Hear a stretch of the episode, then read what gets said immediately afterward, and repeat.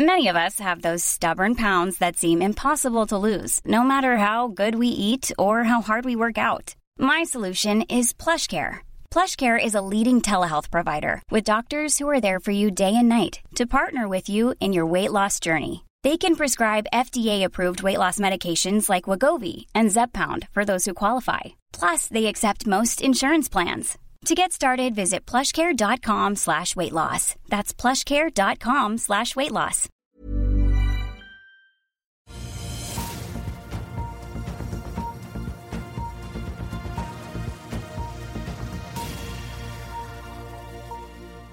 En riktig god mandagsmorgen alle sammen, og velkommen til Børsmorgen her hos oss i Finansavisen. Mitt navn er Marius Lorentzen, og med meg har jeg aksjekommentator Karl Johan Månes fra Smestadammen i Oslo på en dag der oljeprisen er på vei opp. Self Storage Group skuffer. Vi ser et nytt rentekutt i Kina. Danmark og Nederland donerer F-16 til Ukraina, og svenskene får vi si, er i tenkeboks når det gjelder JAS-Gripen-donasjoner. I, I dagens sending så er det Tekna Holding som er på gjestelisten, men før vi snakker metallpulver, så må vi titte litt på kalenderen i det vi altså sparker i gang uken etter Arendalsuken. Det er nok å ta. Det er duket for eh, Jackson Hole-konferansen mot slutten av eh, uken. Fredag er det ventet at både USAs og den europeiske sentralbanksjefen, eh, eller de europeiske og amerikanske sentralbanksjefene skal holde innlegg. Altså Jerome Powell og Christine Lagarde. Da kort tid før en ny renteøkning er ventet fra Fed i USA i september. Her hjemme så er det ventet at en rekke oppdrettsselskaper slipper tall denne uken. Det er jo Vestland på børskonferansen på onsdag i Bergen. Og gjennom uken så kommer det tall altså fra Movis, Hamar, Lerøy, Austevoll, Bakkefrost og Grieg Seafood. Seafood. Men det er stoff for de som ikke er så fan av laks også. Frontline, MPC Container og kjente navn som Norwegian Sats og Kid kommer alle med tall. Det gjør også Doff, Solstad Offshore, Standard Supply og CM Offshore. Merk også at det er altså onsdag vi får kvartalsrapporten fra Nvidia, som har vært en av de store driverne i, i hvert fall det amerikanske aksjemarkedet. Og også, får vi si, som vi hørte forrige uke, for oljefondet så langt i år. La oss titte litt på futuresene. Det ser endelig ut til å være meldt litt sol, får vi vel si, etter at eh, markedet var var ganske surt forrige uke. Europeiske futures lite endret i dag, men DNB venter at Oslo Børs vil starte opp rundt 0,6. Nordnett venter en oppgang like bak på rundt 0,5 etter en fredag der vi så hovedindeksen falle 1,4 og da ende ned 1,9 for eh, uken. På fredag tikket ting oppover på Wall Street, men det endte likevel i rødt for uken. Der John sendte opp 0,2. Det samme gjorde SMP 500. Nasdaq så vidt i eh, pluss. Og Ifølge CNBC så var dette den verste uken for Jones siden mars. SMP og Nasdaq falt begge da tredje uke på rad. I Asia i morgentimene så har vi sett med unntak av Nikkei en egentlig ganske bred nedgang. SMP 50 Asia-indeksen ned over prosenten nå. Nikkei altså i Tokyo det store unntaket. Oljeprisen tikker opp til 85,40. Den amerikanske lettoljen VTI har også hentet seg opp fra å ligge rundt 80. Nå ligger vi nesten på 82 dollar eh, fatet. Da skal jeg ønske god morgen til eh, Karl Johan.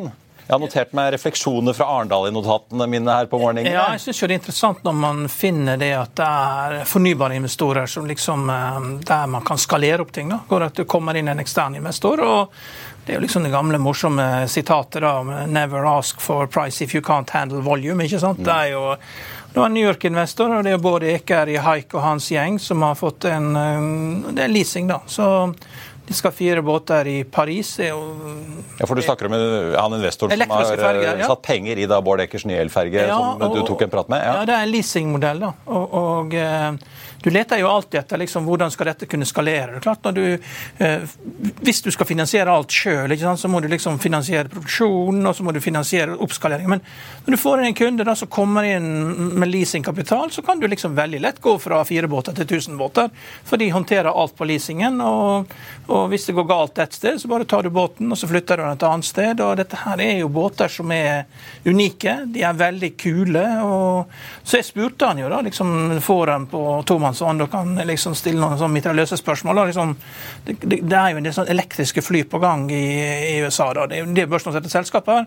Archer uh, Aviation og Joby og sånne ting. og Det er jo 1,5 milliard dollar i market cap. og Hvorfor har han ikke sett på dette her? Og, uh, han sa det at det er volumene. sa han. Sånn. du mangler volumene på fly. Og Se på dette her, sånn, Så var nede i Arendal. Se på dette her, og se her fraktes folk frem og tilbake. Og det er mange byer som er sånn som dette her. Og når man da har en unik, unik konsept, så, så, får man langt større volumer. For det er det du må ha for at sånne ting skal fungere. Og så det er jo en idé at mange andre fornybarselskaper også. Det er jo, det er tydelig at stater og sånn kommer med subsidier som blir egenkapital. Så kan da eierne sitte og eie disse selskapene. Men, men, når du skal skaleres opp, da, så er leasingmodeller veldig bra. Da, for da får du liksom the rubber meets the road. ikke sant? Der, eh, han går inn dette for han ser at det her er det vekstpotensial. og Det skal jo være under OL i Paris. Eh, med god sikkerhet så går jo det sikkert bra. Og, og eh, mange norske kommuner har jo dette her. Og Haugesund og Drammen. og Skal brukes da til å frakte folk eh, opp og ned langs elva og frem og tilbake. og og eh, Så finner man ut hvor dette passer. Det var ikke plutselig. Bosporus har jo alltid hatt båter som går fram og tilbake. Alltid vært en stor trafikk, og der vil det passe bra. og der er store byer, mye trafikk, pulserende elv. Eh, ja. Tror du vi ser en haik på børsen her hjemme om ikke så lenge? Jeg vet ikke om det er på børsen. Det trenger ikke være på børsen for at dette skal bli en suksess. Altså, SpaceX har jo en stor suksess. Det ikke noen gang kommer på børs. De har en eier som driver et børsnotert bilselskap. Ja, ja, ja da, men, bakom, da. Ja da, men Uh, og Det er jo morsomt. at Bård Eker er jo, er jo helt, han er jo en veldig fascinerende fyr. Da. Han, uh, var, han, var, jo blitt bedt om å være fokusert da, og, og, uh, av eieren. Og det, han, ja, 'Jeg skal slutte å kjøre bil også', så han lurer på om han skal få til det. ikke sant? Nei, så det er, det er et veldig bra team og, og veldig imponerende det de gjør. og Så har du funnet en eh, amerikansk investor. Han bor rett nok i Paris, da, kone fra Paris, så, så, han er jo nær på dette. Det er liksom ikke noe sånn her, eh, Han er ikke, han er for langt unna dette her på launchen. Så, så, så, hvis det lykkes, og det lykkes i den norske byen, så kan dette her bli så stort som helst. Men har du tro på leasingmodellen generelt på disse fornybarselskapene? Vi snakket jo med Skatek på fredag. Hentet jo inntil var det 120 millioner eh, dollar i finansiering til sitt leasingselskap Release. Ja, for det er en fin måte å teste på om kundene som investerer, har tro på at det er etterspørsel. For det er det som gjør at han velger fergene kontra fly. Altså Fly er en god idé, men liksom, det er liksom ikke så mange som uh, Ken Lay i Enron skal flakte madrasser fra ene siden av byen i, i fly liksom. Det, du får ikke volum på det. men altså... For da snakker du disse små elektriske flyene som ja, vi drømmer om skal fly rundt Los Angeles? Ja, og, så er er det egentlig helikopter. Hvis du går på siden av det, så, så det, er det, det er vertical takeoff. Så det er egentlig elektrisk helikopter. Da, så, eh, det de leter etter, er volum. Altså, og der du kan få volum, og der du tror på volumene, så er leasing en veldig fin måte å få skalert opp virksomheten på. Mm. Men det er klart det, det, det flotte med Bård Eker er at der har du en sånn mote, en sånn slags eh, beskyttelse i at det er en unik design. Lykke til med å prøve å kopiere dette her, altså. Eh, det er ikke så lett. Det er flinke folk. Skal være stødig med blyanten som dette? Ja, vi fikk jo full gjennomgang over teorien bak deplassementbåter og brenselforbruk på snekker på 5,5 knop og ni knop. og Det er flinke folk. Du skjønner at han har tegnet båt? Ja. For de som ikke fikk med seg eh, Bård Eker fortelle om denne fergen, så får du ja. spole tilbake til Økonominyhetene på fredag der du hører på eh, podkast. Jeg tenkte, Karlan, Vi må også bare ta med Self Storage Group, som er ute med tall, ned 4,4 Eh, så langt. Hadde altså inntekter på 104 millioner. Det er litt under hva DNB Markets eh, ventet på 111. BTA ventet på 63. Også det noe under forventningen på 69. Ser foreløpig med en ganske lav omsetning, riktignok, at aksjen er ned en snaue 5 Avans Gass får vi også ta med har utøvd opsjonen på nybyggskontrakt for to mellomstore LPG-skip da til en pris på 61,5 millioner dollar per skip. Cleaves Securities, som jo følger shipping tett, oppjusterer kursmålet på Avans fra 76 til 104. Avans ligger nå på 98, opp nesten 4,5 idet handelen har vært i gang et par minutter. Hovedindeksen opp 0,75 fra start. Så for å ta med det Autostore, som vi også følger eh, med på, kom jo forrige uke da med tall som hadde en skuffende lav ordreinngang, får vi si. Gründer Jakob Hatteland har for første gang siden børsnoteringen solgt unna Autostore-aksjer. Det har skjedd i høy fart. Han sier det skyldes da et likviditetsbehov for egne vegne. Bell Chips ute med sine tall også fikk en EBITDA på 40,5 millioner dollar i andre kvartal, litt ned fra 48,7 på samme tid i fjor. Vi skal snakke om eh, metall, 3D-printing og mye annet gøy med Tekna Holding. Vi er tilbake rett etter dette. Vil du bli oppdatert på det viktigste som har skjedd innen finans og næringsliv? Da er det bare å følge med, for hver morgen er jeg, Marius Lorentzen og aksjekommentator Karl Johan Malnes på plass i studio for å ta tempen på dagens marked i Børsmorgen. Og hver ettermiddag oppsummerer vi alt du trenger å vite i økonominyhetene, og det blir selvfølgelig masse interessante gjester. Klikk deg inn på fa.no-tv, eller søk opp Børsmorgen og Økonominyhetene der du hører på podkast. I'll see you in court. Vi sier det ofte litt på spøk, men for deg som driver business, er det aldri moro å innse at du ikke har laget en 100% gyldig kontrakt. Du bør ikke risikere hele firmaet ditt fordi du synes dette med kontrakter er litt stress. En avtale er ikke en avtale. Du kan miste kunder, miste venner, ja, til og med miste inntekter om du ikke lager en skikkelig kontrakt, på alt mulig, egentlig. Men vi vet det er et styr. Kopimaskiner, treg printer og haugevis av papir. Dessuten stoler vi jo på folk her i landet. Det er ofte litt kleint å skulle be om en signatur for alt mulig, ja, for mye av styret handler også om jakten på underskriften. Det finnes en enkel måte å løse dette på, Dukkobit, en trygg, effektiv og get this, gratis måte å sikre seg en god natts søvn pluss en juridisk bindende avtale. Dukkobit-appen har de strengeste sikkerhetskrav i bunn, samt en EU-godkjent og sertifisert teknologi. Framover vil det bli behagelig å spørre du, skal vi skrive under på det, eller? Kom i gang på dokobit.no.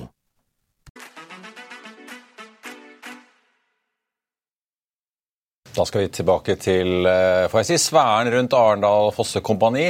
For fredag snakket vi jo med energiteknologiselskapet Volue, og i dag skal vi snakke med et annet selskap der Fosse Kompani er store eiere men som driver med noe helt annet enn dataløsninger for kraftselskaper, men heller metallpulver til å si, 3D-printing, og som har vokst til en rekordomsetning i andre kvartal. Velkommen til styreleder i Tekna, Dag Teigland.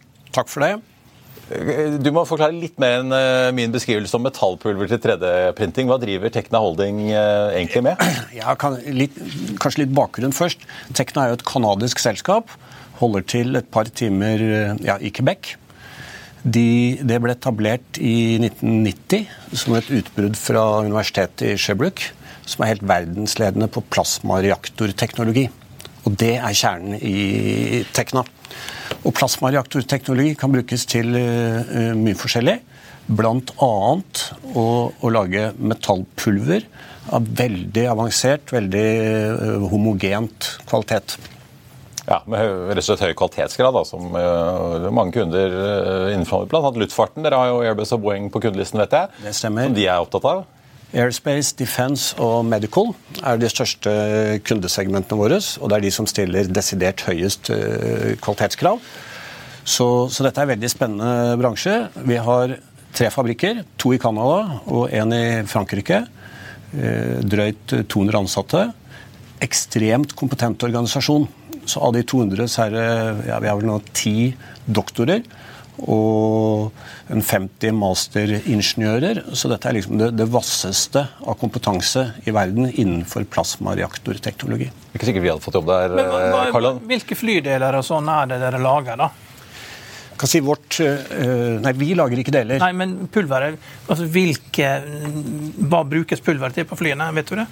Ja, altså uh, vår Eh, vår kvalitet eh, lages typisk for mindre deler. Eh, noe av det mest ja, interessante, et, et, et, eksempel. En kunde som er veldig stor på å lage droner.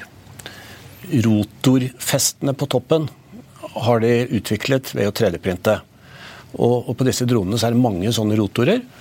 Eh, og så Vi var der og så og tenkte jøss, dette er jo kjempespennende for oss. Men så tenkte ok, i kjent stil eh, kanskje dette bare er til å begynne med når de lager små, et lite antall og liksom pilotene. Eh, så jeg spurte om det, da, og da, eh, da sa de nei, nei. Disse delene er, kan utelukkende produseres med 3D-printing fordi de er så avanserte strukturelt sånn for å få nødvendig letthet. Så disse skal 3D-printes i serieproduksjon. Da begynner du å få eh, spennende volumer ut av 3D-printing. For jeg, jeg, vet jo blant annet, blant annet Equinor har jo med Brede Lerum i spissen jobbet i mange år for å få dette her opp og gå, altså 3D-printing, eh, for å slippe å ha disse lagrene med masse deler. Mm. Som jo sjelden blir brukt, men de må ha dem. fordi at eh, du kan ikke stoppe produksjonen eh, mer enn noen timer maks helst, for ellers så begynner taksameteret å gå. Ja. Men begynner dette å materialisere seg litt nå som teknologi? At det er mer enn bare en sånn nisje hvor man lager ja, litt sånne one-offs og mindre serier? Absolutt. Og, det er det som er så sp veldig spennende akkurat nå. 3D-printing eh, har man snakket om i flere eh, tiår. Og etter hvert så har folk begynt å bli litt lei, og liksom 3D-printing ble aldri det man eh, forutså at det skulle bli. Men, og det stemmer, det har tatt tid og det er krav til sertifisering. Og så har det vært en ekstrem utvikling på teknologisiden. Disse printerne begynte jo med sånn veldig enkle maskiner. Det tok år og dag å, å printe en del. Nå er det superavanserte eh, teknologi. Mange printerhoder, lasere som følger tett etter, og det er ganske imponerende hvor raskt og effektivt disse delene kan printes. Og I tillegg så er det den utviklingen hvor, eh, hvor det er deler som er så avanserte at de kan ikke lages på annet vis. Så akkurat nå begynner vi liksom se, se knekkpunktet. Nå begynner det å bli skikkelig industrialisering. og Det er jo også det som er bakgrunnen til uh, driven i topplinja på Tekna. Eh, du sa jo, var inne på at Dere er jo egentlig et canadisk selskap. Alltid interessant å høre hvordan nettet det opp her eh, på Oslo Børs. Mm. Dere er jo ikke i olje eller gass jo, eller sjømat, som jo noen finner veien til Oslo pga. Det stemmer. Så, og, her er det nok igjen tilbake til Arendal Foss Kompani. Eh, Arendal Fosskompani har jo alltid vært veldig opptatt av bærekraft. Og slik jeg oppfatter, har de også vært veldig interessert i materialteknologi. Og det var måten de kom inn som en investor i Tekna for ja, over 10 år siden, 15 år siden. Og så etter hvert kjøpte de seg opp, så de ble hovedaksjonær i, i Tekna.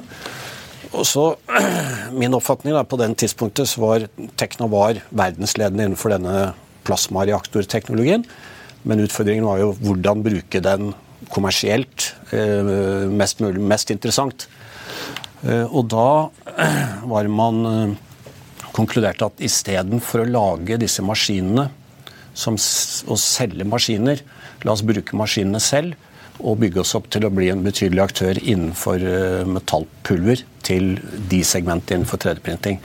Så Tekna begynte først å produsere disse pulverene i 2014-2015. Og så fant man da ut at ok, men eh, da kan vi ikke fortsette å selge disse maskinene til de som vil være våre konkurrenter på pulver. Så da la man om strategien og, begynte å selge disse eh, maskinene til eh, forskningsinstitusjoner og forsvar, utvikling, egentlig, rundt omkring i verden. Så Arendal Fosskompani var da hovedinvestor. Og Etter hvert som dette utviklet seg og begynte, begynte, så vidt å ta av for et par år siden, så så Arendal Fosskompani at uh, her kan det være interessant å tilby andre investorer å få lov til å være med på denne veien videre.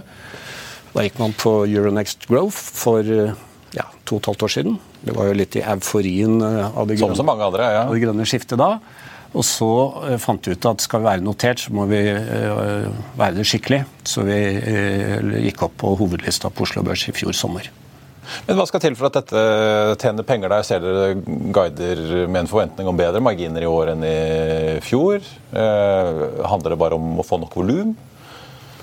Eller? Ja, volum, skalering er en viktig del av det. Og eh, vi leverte jo nå i andre kvartal en EBITDA på minus 0,6 millioner CAD. Så da begynner vi å nærme oss break-even-territorium. Og det er ikke langt før vi er på, på break-even. Så har vi en vekst på, vi hadde en vekst i første halvår på 44% fra året før. Sånne uavhengige analyseselskaper eh, estimerer en vekst i etterspørselen etter pulver på røftlig 30% fremover. Vi skal beholde markedsandelen vår, kanskje til og med ta noe. Så det er, det er, liksom, det er den størrelsen vekst vi, vi, ser for oss. da. Men Hva slags kapitalbehov får dere? Altså Må dere etablere flere produksjonsanlegg enn disse to i Canada og det i Frankrike? Eller utvide dem hvis dere skal holde tritt med den forventede veksten? Ikke innenfor uh, si, kjernevirksomheten nå. som er pulver til 3D-printing. Da, da, holder det med de fabrikkene vi har. Men vi må ha nye plasmareaktorer, så det er, det er et, fremdeles et kapitalbehov der, selv om vi kommer i EBTA-positiv. Eh, men vi har et, eh, et, par andre veldig interessante områder som vi har jobbet med lenge. Hvis vi får en gjennombrudd der, da er det nye fabrikker og, og vekst. Og det er, det er disse MLCC-ene, bl.a. Ja, det må du nesten forklare. Ja. Nei, igjen så er jo eh, kjerneteknologien i Tekna det er plasmareaktorene. Og da evner vi å kontrollere liksom, ekstreme øh, energi og ja, ekstreme forhold inni denne reaktoren. Og det kan brukes til mye. Så vi kjører da en, en, en wire. Kan være av forskjellige typer metaller. Vi er størst i dag til 3D-printing på titan og aluminium. Vi kan også bruke dette på nikkel. Og vi kan, vi kan, eh, Så kjører vi vaieren inn, og så kommer denne inn i denne reaktoren, og så smelter vaieren. I noen tilfeller så smelter den til det blir dråper, og så faller disse ned. Og etter nøye kalkulert hvor lang tid det skal ta for å falle ned, hvor mye det skal kjøle ned for å få den formen det skal. Men på nikkel så produserer vi også partikler ned til nanostørrelse. Ned til Ja, vi har vel lykkes ned til 50 nanometer Eh, nanometer størrelse. De viser det seg at egner seg helt perfekt i neste generasjon av det som heter multi-layer ceramic capacitors. Det er knøtt, knøtt, knøtt små kondensatorer som ja, F.eks. en iPhone har det kanskje over 1000. En, en uh, elbil Det er over 10 000 uh, av disse MLCC-ene. De, altså, de, er så små, så de er kanskje opptil maks 1 millimeter tjukkelse. På den millimeteren så har du 1000 lag. Dette er kondensatorer som de tar, tar ladning og avgir ladning. Mellom disse lagene så skal det ligge nikkel. Så viser det seg at de partiklene som, nanopartiklene av nikkel som Tekna lager, passer perfekt inne i disse lagene for den neste generasjon. Så når dere skriver at dere ser utsikter i batterinæringen, så er det det dere refererer til? Nei, dette er MLCC. Vi, ja. vi har også noen spennende ting i, innenfor batterinæringen, men det er liksom grenser på hvor mye en liten organisasjon kan uh, fokusere på av gangen, så det batterigreien uh, det, det, det, har vi litt på hold foreløpig. Det er mye større business, ikke sant? Ja. Men MLCC-ene det har vi jobbet nå i flere år med Det er seks store produsenter i verden, asiatiske. Og de tester og tester, og, og vi gjør justeringer. Eh, så vi begynner vi å bli litt utålmodige for å liksom Når kommer eh, gjennombruddet? Men det er veldig tett dialog med egentlig alle disse eh, produsentene. Det er klart, tar, tar, det av, da må vi investere i ny kapasitet, men da er dette et, et helt annet business eh, case igjen. Men er det i mellomtiden liksom på nærmere sikt da, er det ja, Airbus, Boeing og de eksisterende kundene som skal drive veksten, eller er dere avhengig av å få inn flere kunder? Nei, vi har, vi har eh, ja, over 200 kunder nå. Og de er kommet veldig forskjellig i utviklingen av sine prosesser. Eh, Boeing nå f.eks. har nå fått gjennombrudd, og da, da, øker ikke ordren deres med 10% eller 50% Da liksom firedobler de ordren sin når de kommer til, uh, tilbake. Så, så, nå er det sånn ordentlig ja, industriell eh, takeoff innenfor 3D-printing eh, og disse segmentene. Og eh, det er flere liksom, megatrender som drar dette. En ting er miljø. Ting skal bli lettere, spesielt da på aerospace. Lettere, og da må det bli kraftigere. Det, det kan du oppnå ved å 3D-printe delene. Det er noe med å slippe å frakte deler rundt omkring i hele verden, så du kan Eh, printer de lokalt i markedet. Printer på kaien på Stord hos eh, Aker Solutions? Ja, ja f.eks. logistikkmessig. Som jeg vet de har testet. Ja. Quebec, Quebec er jo et interessant område. Du har jo, du har jo erfaring fra smelteverksindustrien. Det har man også i Quebec. Eh, og, og, Er årsaken til at man er god på dette, kommer det liksom fra erfaringer med å produsere aluminium, alkan og sånne ting, eller er det, eller er det ingeniørkunst som har drevet dette? Liksom fransk ingeniørkunst og finmekanikk og det som drevet fram den teknologien, at de har blitt gode på dette i Frankrike og i Quebec? Et godt spørsmål. Jeg oppfatter nok at det er den her ingeniørkunsten. Og okay. ofte så er det liksom noen fanebærere, da. Ja.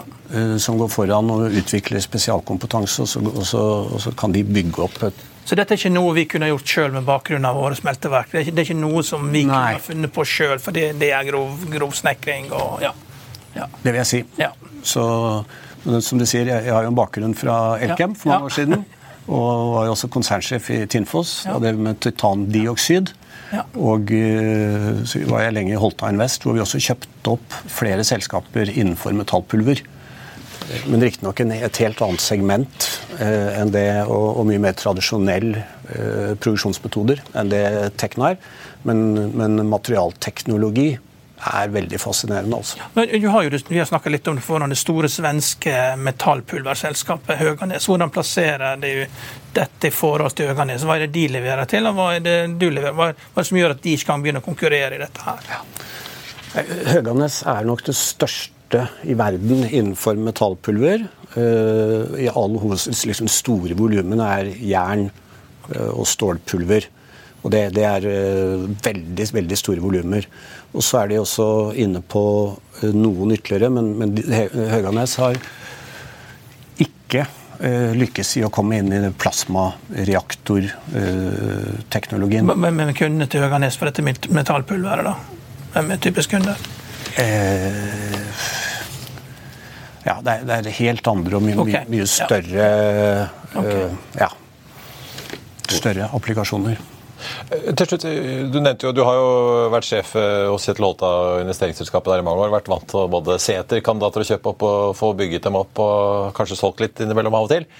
Eh, Hvis man er interessert som investor i å gå inn i dette her, og ser utsiktene, eh, hvordan, du, hvordan tenker dere rundt hvordan dere skal finansiere opp en vekst videre her? Eh, Du sa at det kan jo bli behov for det utover eh, selvfinansiering over, eh, over driften. Mm. Blir det da emisjoner? Kan man liksom se for seg å utstede liksom obligasjoner? Er det prosjektfinansiering? Ja, Godt spørsmål. Vi, nå er vi jo veldig heldige som har en, en stor og langsiktig aksjonær som Arendal Foss. Så øh, det var jo behov for en kapitaltilførsel i Tekna ja, rundt årsskiftet vi la bak oss. Og Da diskuterte vi en del og, og konkluderte egentlig med at eh, på det nivået børskursen eh, var da, så uh, ga Arendal Foss et uh, ansvarlig lån på 25 millioner kanadiske dollar, som vil ta oss langt inn, hvis ikke igjen, i 2024. Eh, Så vi er dekket et god stund fremover. Da skal vi være på EBITDA break-even. Men det er klart med, det, med ytterligere den veksten vi ser for oss, og Capex-behov, så vil det være behov for eh, mer kapital. Da må vi vurdere de alternativene som er da, men, men eh, For det er jo i en verden med ganske mye høyere renter og kapitalkostnader. Ja. Ab- Absolutt. Var. Og en av fordelene med å være børsnotert er jo nettopp at du har tilgang til kapitalmarkedene. Så det vil jo være veldig naturlig å, å se for oss at vi benytter oss av den muligheten. da. Dag Teigeland i Tekna, vi får se om det kommer en eh, emisjon, uh, sannsynligvis i hvert fall da kanskje etter en eh, stor kontrakt eh, fra ikke bare Boeing Airbus. Takk skal du ha for at du kom til oss. Lykke til. Et par analytikeroppdateringer på tampen av eh, sendingen. Cleave Securities oppjusterer BVLPG fra 106 til 143. Gjentar sin kjøpsanbefaling. Den endte i går på 119, ligger opp et par prosent i eh, dag. Og så har vi Oddfjell Drilling, da. ABG ute der oppjusterer kursmålet med 9 kroner til 45. Gjentar sin kjøpsanbefaling. Den aksjen endte da fredag på 34,50. Ligger opp drøye 3 0,2 nå i dag. Så er det Self Storage som møter metall. Ligger fortsatt ned, men da foreløpig ikke noe særlig mer omsetning heller, da, så vi får talt med en klype salt. Ned av 4,4 Tekna Honning, som vi akkurat snakket med, opp 1,2 i dag. Avansk gass opp eh, da litt over 5 Kom da med nyheten om at de benytter seg av noen opsjoner til å bestille flere skip. Hovedindeksen ligger nesten og snuser på en prosents eh, oppgang nå, og blant de største aksjene på, eller mest omsatte aksjene på børsen bak Equinor på topp, som er opp 1,7. Så ser vi faktisk at Nordic Semi og MPC Container Begge ligger da på andre- og tredjeplass foran Aker BP, DNO og uh, unnskyld, Frontline og DNB. Oljeprisen snuser nå på nesten 86 dollar fatet. Det kan jo bli en hyggelig dag for oljeaksjene og de som er eksponert mot den uh, sektoren. Vi er i hvert fall tilbake igjen med Økonominyhetene klokken 14.30 med Trygve Hegnar. Det var børsmålen for denne mandag 21. august. I mellomtiden så får du som alltid siste nytt på FA.no gjennom hele dagen. Ha en riktig god mandag alle sammen. Vi ses.